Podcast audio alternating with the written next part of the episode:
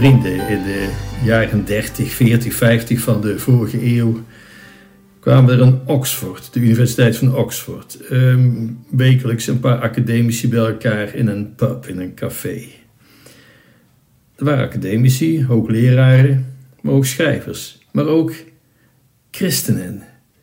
En ze hadden zich een vraag gesteld: hoe verwerken christelijke beginselen in verhalen? Want ik wil het bij de mensen brengen. En het lijkt wel of het daar op de gewone manier niet meer kan. Hoe doe ik dat? Dat mensen die eigenlijk van niks meer weten, hoe breng ik daar, hoe evangeliseer ik? U kent er twee van. Lewis, C.S. Lewis. U kent hem van de Narnia-verhalen, doordrenkt van katholieke christelijke beginselen. U kent ook nog een ander, wereldberoemd Tolkien, J.R. Tolkien ook een apologeet en ook iemand die miljoenen boeken heeft verkocht en doordrenkt van het bijbelse inhoud. Ehm, ik noem The Hobbit, 1937 was het alweer, en later Lord of the Rings. En in de jaren 60 en 70 zou miljoenen boeken verkopen. En veel later werden ze verfilmd. Tolkien is katholiek. En dat blijkt uit alles wat hij schrijft. Dat was ook zijn bedoeling overigens. Tolkien, ja, hij, hij weet het kwaad. Het kwaad, ja, dat, dat, dat bestaat, dat is er. Hij was er zelf, um, had er echt mee te maken.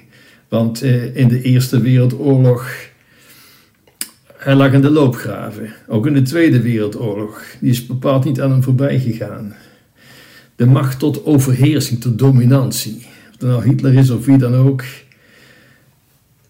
Dat is het kwaad. En hij heeft een verhaal geschreven, The Lord of the Rings. Lord of the Ring, de ring van het kwaad. Het ring, symbool van het kwaad. Um, wat is een ring? Ja, het is een cirkel en wat er is in het midden? Niets. Niets. Is bewust zo gekozen. Wat zegt Augustinus? Wat is zonde? Dat is niet iets wat je aan kunt wijzen, het is het ontbreken van iets. God heeft alles goed geschapen en waar is het misgegaan? Daar ontbreekt iets, daar ontbreekt liefde. Zonde is het type van niet bestaan.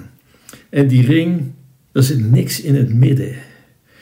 De macht van het kwaad, van overheersing. En dan denken we al gauw aan, aan iemand als Hitler of Stalin. En zeker, dat, dat is maar al te zeer waar.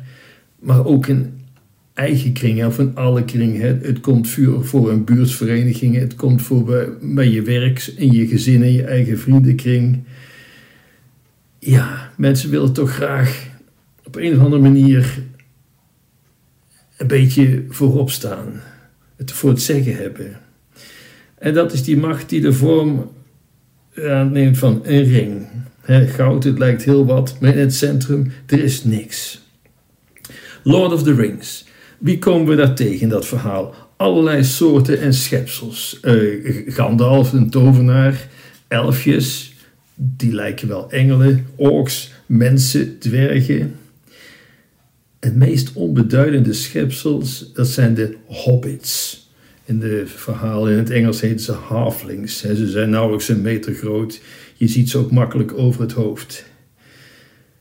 En bij een van die hobbits, van, van die onbeduidende figuren die, die eigenlijk niets betekenen, Frodo, daar komt die ring terecht. Die ring, de ring van het kwaad. En Frodo, hij weet wat hem uiteindelijk te doen staat. Hij moet die ring vernietigen. En dan start een enorme avonturenreeks. Er zijn belemmeringen, er zijn bedreigingen, overal door het gevaar. En hij moet het allemaal zien te overwinnen. Hier is trouwens het bijzondere aan het verhaal. Het is niet een avontuur om iets te vinden. Dat, dat zijn de meeste avonturenverhalen. Hè? Een schat om te vinden of denk aan Indiana Jones. Het zoeken naar, zoektocht naar de heilige graal. Nee, hier gaat het om iets heel anders. Om van iets af te komen. Om iets kwijt te raken. Frodo die moet de ring brengen naar de, de duivelsberg. De Mountain of Doom. Naar de plaats die de bron is van alle ellende om het daar in het vuur te gooien. Het vuur waar het vandaan kwam, het helse vuur. Frodo, hij verzamelt een groep vrienden die hem vergezellen op zijn tocht, zijn moeizame tocht. En daar zit ook van alles tussen. Hij moet dus naar de plaats van het kwaad om daar de ring, symbool van het kwaad, te vernietigen, in het vuur te werpen. En waar is die plaats? Mordor, het land van duisternis, het land van het, uh, van het kwaad. Het is alles een christelijk verhaal. Kijk naar het begin van ons um, Bijbelse verhaal, die schepping. Alles is goed, alles is prachtig. God zag dat het goed was. Maar dan, ja, de erfzonde, het wordt gecorrumpeerd. Die prachtige schepping wordt gecorrumpeerd door de zonde. En dan gaat het mis. Kain en Abel, enzovoorts, enzovoorts. Het is nooit opgehouden. En waarom? Door de lust, de neiging om te overheersen. Mordor, dat land van Mordor, is symbool voor de wereld die door de zonde is aangetast.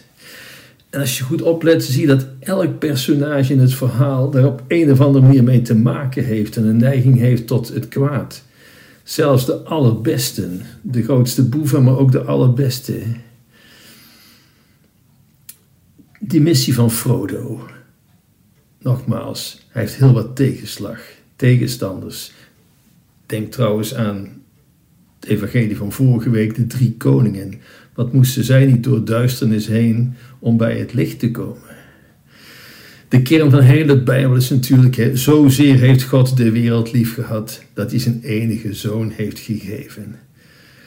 God stuurt zijn zoon in onze wereld, die wereld door, die door erfzonde is verziekt, mag ik het zo zeggen.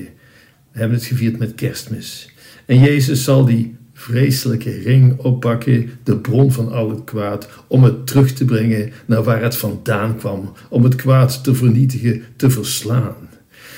Dat is ook de kern van ons geloven. Niet, hij kwam ons niet iets brengen, nee, hij kwam om iets van ons af te nemen, zodat we er maar eindelijk van af zouden raken. Jezus kwam om de zonde van de wereld weg te nemen. Als de priester de hostie opheft bij, voor de uitnodiging tot de communie, zie het lam Gods dat wegneemt de zonde van de wereld. En Frodo die is het beeld van Jezus. En kijk hoe Lord of the Rings eindigt. Frodo gaat zwoegend de berg op. Is niet te doen, het is te zwaar. Sam, zijn vriend, moet hem ondersteunen. Papa doet dit aan denken? Jezus op de Calvarieberg. Het kruis is te zwaar. Jezus valt driemaal onder het kruis. Simon van Cyrene moet helpen het kruis te dragen. Uiteindelijk, waartoe leidt de kruisweg? De overwinning op het kwaad. Het wegnemen van het kwaad. Vrienden, vandaag het feest van de doop van Jezus in de Jordaan. Dat heeft er alles mee te maken. Johannes de Doper zegt, hij zal komen, die Messias heeft de wandel in zijn hand. En dan ziet hij Jezus. En wat zegt hij? Zie het lam Gods dat wegneemt de zonden der wereld. Een lam Gods, nederig, eenvoudig. Een lam die werd ook geofferd in de tempel. En waarom? De zonde van de wereld weg te nemen. Hoe komt Christus als een machtige koning? Nee, we weten het. Als een kind in de kribbe, als een nederige dienaar, als een lam. En nu vandaag, hij staat in de modderige wateren van de rivier de Jordaan, schouder aan schouder met ons. Hij ziet eruit als ieder van ons. Maar hij is degene zonder zonde en wil ons op die weg meenemen. U bent gedoopt. De meesten van u zullen gedoopt zijn. U hebt een taak. U weet wel wat, het, wat ik bedoel. Heer, ik kom tot u. Neem mijn hart verander mij. Als ik u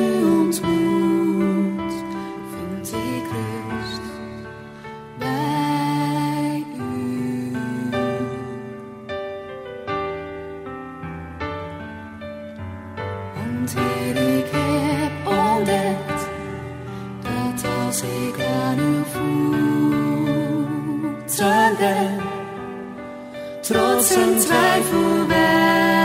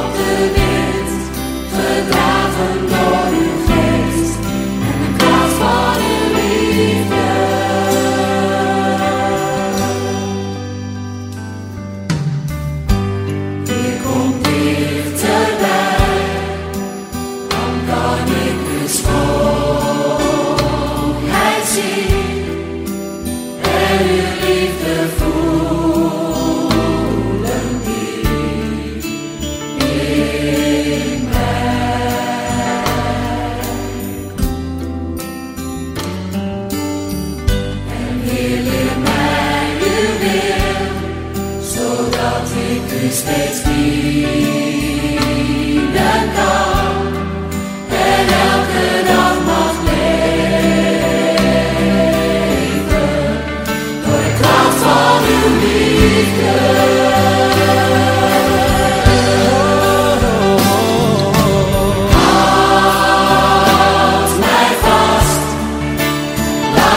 liefde stroom.